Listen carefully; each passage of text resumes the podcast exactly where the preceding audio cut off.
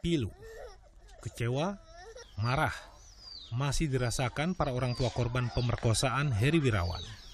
Selain berat menerima kenyataan anaknya jadi korban, para orang tua juga kebingungan untuk menghidupi bayi tersebut. Salah satunya yang dialami Y. Beban hidupnya kini harus bertambah setelah ia bersama istrinya memutuskan untuk merawat bayi tersebut. Padahal Y, yang hanya berprofesi sebagai buruh tani, penghasilannya hanya cukup untuk makan. Itu pun tak menentu. Bagi Y, dunia ini seperti mau kiamat. Anak perempuan satu-satunya, sebut saja N, yang selama ini dianggap tengah menuntut ilmu di kota Bandung, ternyata telah memiliki anak berusia satu setengah tahun akibat perbuatan guru ngaji yang mereka percaya sebelumnya.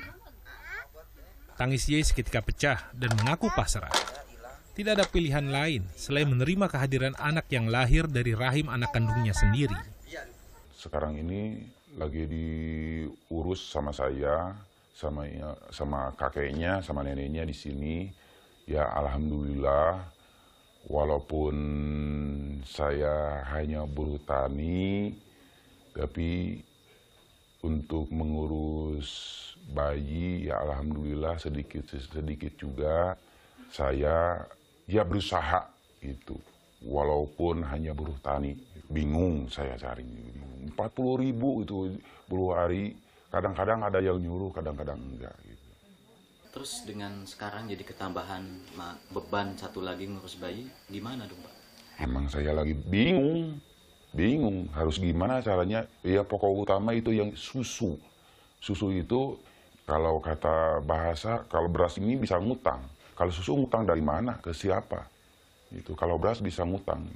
Bahkan ia mengaku sebelumnya harus merogoh kocek hampir 2 juta rupiah untuk membeli baju, sabun, popok, dan kebutuhan bayi lainnya. Ia pun tak menampik, pernah mendapat bantuan dari pemerintah. Untuk sementara ini yang saya dapatkan bantuan itu baru susu, popok, lalu baju itu buat bayi ada juga yang memberi uang.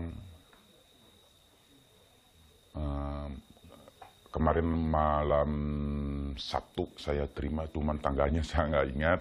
Ada yang mengirim uang yang yang ngasih uang itu nominal nominalnya itu 2 juta per bayi. Hal yang sama juga dialami M tetangga sekaligus saudara Y yang juga menjadi korban. Anak M yang hanya pulang satu tahun sekali saat lebaran, tiba-tiba pulang dalam kondisi tengah hamil lima bulan. Kini bayi yang dikandungnya telah lahir dan menginjak usia empat bulan. M yang juga berasal dari keluarga tidak mampu mengaku tak tega jika harus menelantarkan sang bayi. M juga tak menampik bahwa pernah diberi bantuan berupa sembako dan kebutuhan si bayi. Kalau cucu itu gak punya dosa, Pak gimana caranya pun juga saya akan merawat cucu saya kan gak akan diberikan ke orang lain cucu mah gak punya dosa bahkan anak saya pun juga. Itu mah hanya jadi korban. Mudah-mudahan sama itu ditanggung si pelaku. Anak kita mah gak, gak akan pulang dosa. Walau lemah secara ekonomi E mengaku tetap akan merawat sang bayi dengan penuh kasih sayang, meski dihantui kesedihan membayangkan bagaimana masa depannya kelak. Sempat ada tawaran dari P2 TP2A eh, sini anaknya saya rawat aja. Iya. Iya diminta di diminta dirawat tanya saja. Ibu nggak tega pak. Gimana gimana anak saya? Kalau kalau anaknya dikasih anak saya udah udah jadi korban apalagi kalau anaknya diberikan sama orang pasti tambah sakit anak saya pak. Kan kita kan dia dia juga seorang ibu. Kasih sayang seorang ibu pak ah gak bisa diceritain sama kata-kata. Saya mah gimana pun caranya sama bapaknya. Biarpun buluh tani apa pun saya mer mau merawat dia dengan penuh kasih sayang pak. Saya mah benar-benar itu mah lebih diberi kasih sayang sama keluarga. Sebab ya lah saya kalau ingat masa depannya pak pasti dia bertanya-tanya saya suka nangis kalau malam? Pastilah dia kan udah dewasa pak pasti dia tanya apa saya siapa terus saya suka nangis kayak begitu pak Kelahiran cucu M tak lepas dari peran seorang bidan di daerah tersebut yang membantunya secara cuma-cuma. mulai dari memeriksa korban saat tengah hamil, melahirkan, hingga pasca pemulihan tanpa meminta bayaran sepeser pun. Walaupun diselimuti kekhawatiran, beruntung bayinya dalam keadaan sehat. Begitu pula dengan korban. Banyak yang saya khawatirkannya saat itu. Yang pertama emang berat badannya kurang gitu ya. Kecil banget itu si anak si korban. Takutnya kan banyak takut perdarahan, mana lagi kalau dirujuk jauh jalannya juga kan itu rusak gitu dulu. Tah, alhamdulillah lahirannya lancar, selesai juga langsung uh, anak dan ibunya sehat selamat. Setelah lahir otomatis kan saya melakukan kunjungan ya pada ibunya, pada bayinya, kunjungan kalau di saya di medis KF1 namanya ya, KF2, KF3, KN1 untuk bayinya, KN2 untuk bayinya sampai KN3. Alhamdulillah setelah uh, semuanya beres sampai KF3 sampai sekarang keadaan ibu dan bayinya alhamdulillah sehat baik. Tak hanya Y dan M yang memilih merawat bayi, I yang merupakan bibi istri pelaku juga merawat anak dari saudaranya yang juga menjadi korban. Kalau diambilnya mah uh, pas udah di rumah adik terus ini rame diambil. Kan kasihan gini katanya ya itu jadi adik saya curhat katanya gini ya ya karena faktor ekonomi. Jadi ya inisiatif suami saya juga itu asalnya ya udah aja lah ambil katanya kasihan sama korbannya juga kan mbak oh, eh, lagi kuliah takut putus di jalan gitu inisiatifnya karena saya sayang itu sama ponakan. Menurut P2 TP2A Kabupaten Garut, ada 11 anak dengan rentang usia 14-17 tahun dari Kabupaten Garut yang menjadi korban pemerkosaan Heri Wirawan.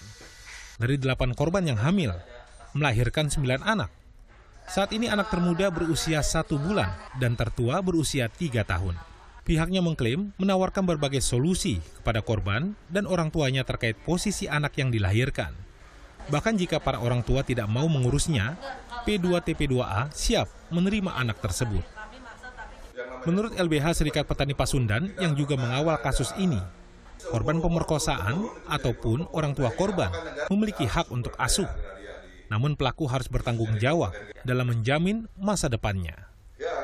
Yang berhak mengasuhnya kalau kondisinya bapaknya sedang dalam penjara dan itu tidak memungkinkan untuk mengasuh karena perilakunya sudah tidak baik, itu sangat tidak mungkin, maka yang berhak adalah sebagai ibu kandungnya. Cuman persoalannya dalam hal ini ibu kandungnya tidak mempunyai pendapatan.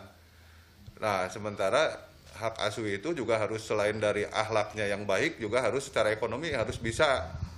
Maka ini uh, itu yang harus jadi PR pasca ini, pasca pemidanaan ini seperti apa atau dalam proses pemidanaan ini untuk masa depan anaknya apakah bisa digabungkan tuntutan restitusinya uh, untuk menjadikan uh, dibebankan kepada pelaku dalam putusan pengadilan nanti bisa menjadi uh, putusan hakim ya agar nanti uh, apa uh, untuk masa depan anak ini bagaimana secara biaya-biaya kehidupannya ke depannya karena uh, si anak atau korban punya hak untuk menuntut itu.